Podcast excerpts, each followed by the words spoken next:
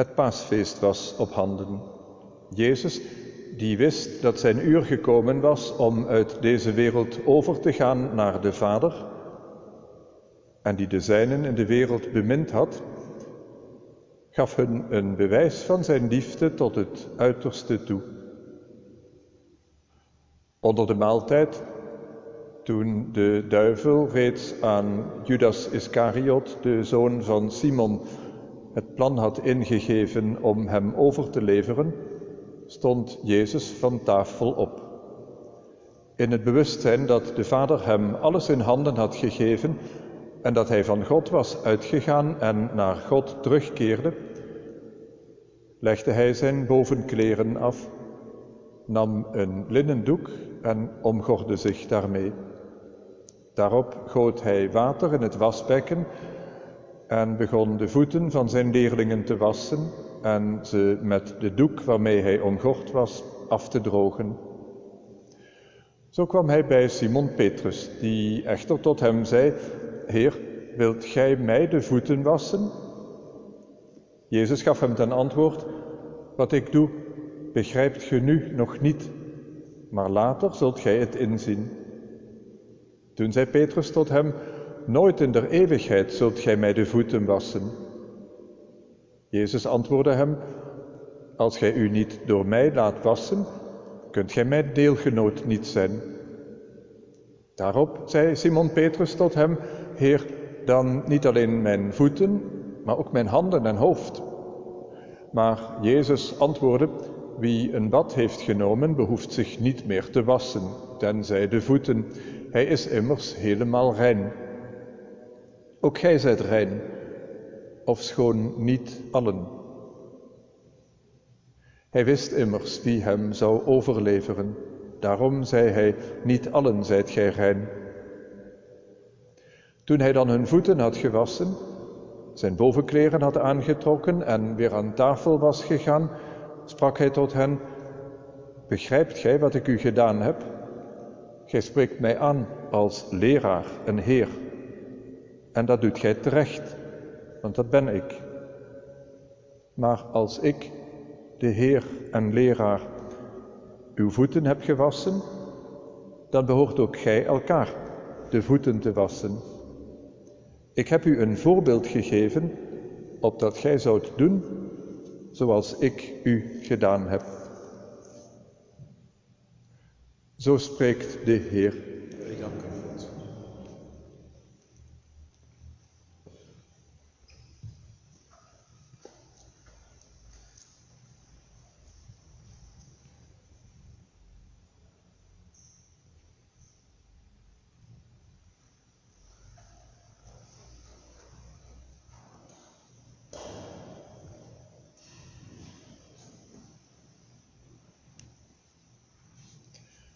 Morgenavond op Goede Vrijdag wil ik met u stilstaan bij de problematiek van de eenzaamheid.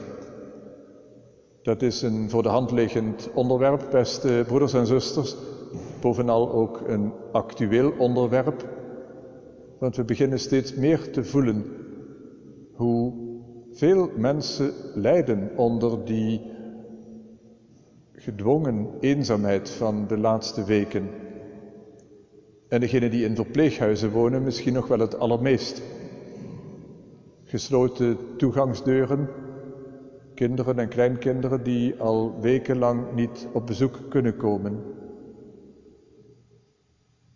Die eenzaamheid deelt Jezus met ons tot het uiterste toe op Goede Vrijdag. Maar goed, dat is morgen. En vanavond, op Witte Donderdag, wil ik met u stilstaan precies bij het omgekeerde, namelijk bij het samen zijn.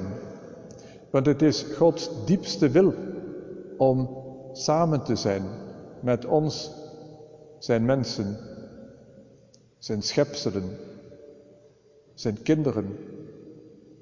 Vurig heb ik ernaar verlangd, zegt Jezus, dit paasmaal met jullie te vieren. Vurig heeft God al eeuwen geleden ernaar verlangd om dat Pasen te vieren dat in ons Oude Testament in de Joodse Bijbel staat opgetekend. We hebben dat verhaal in de eerste lezing, dat indrukwekkende verhaal, beluisterd. Hoe God al de gezinnen van zijn uitverkoren volk oproept om die avond van Pasen samen te komen. Wij zouden in onze tijd zeggen, uh, in thuisisolatie. Samen met papa en mam, alle kinderen, opa en oma erbij, samen aan tafel. Trouwens, in onze tijd zouden we ook zeggen, telefoontjes uit, oortjes uit, tv uit. We zijn nu echt samen. God geniet daarvan, van dat moment samen aan tafel in die Joodse geschiedenis, wanneer er een breekpunt in de geschiedenis is. Het Joodse volk dat bevrijd wordt uit de slavernij, dat bevrijd wordt uit de onderdrukking. Nu, deze nacht van het Joodse Pasen, zal het allemaal gaan beginnen.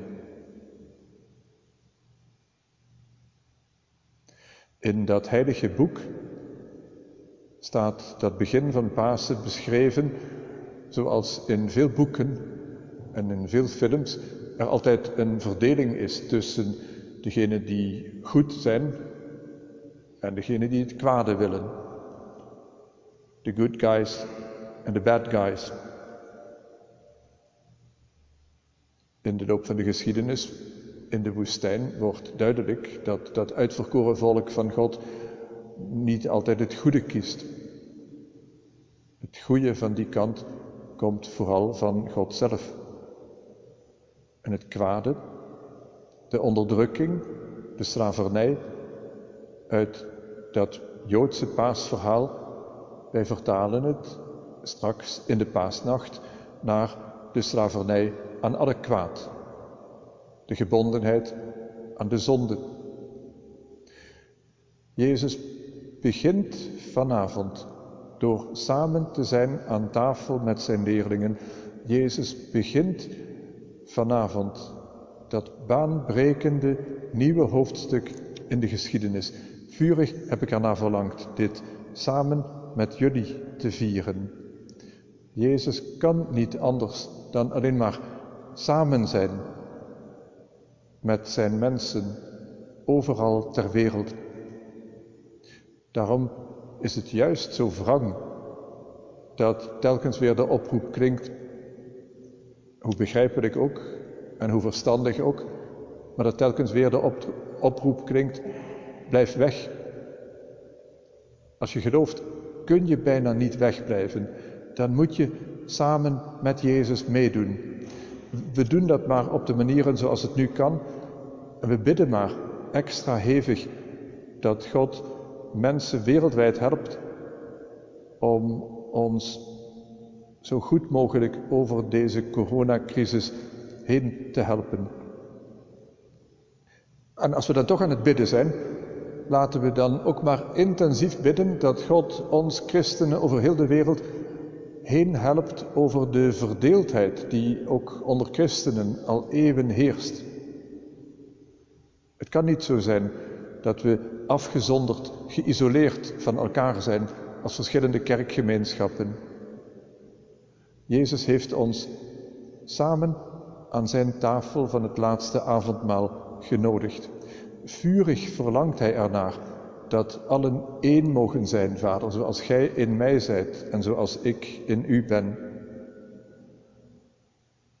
Ik verklap u al heel even dat we bezig zijn met de voorbereiding van onze volgende tv-mis in mei. En dat zal zijn op de zondag van de Oosterse kerken. Ik moet u zeggen, ik moet daar persoonlijk nog heel veel op studeren, want ik weet er heel weinig vanaf. En daar schaam ik me een beetje voor. Dat ik zelf onze Oosterse broeders en zusters in het geloof te weinig ken. Goed, het is ook honderden en duizenden kilometers hier vandaan.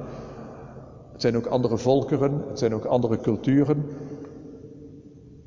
Laten we straks in de stille aanbidding aan God ook de vraag voorleggen: God, hoe goed ken ik u eigenlijk?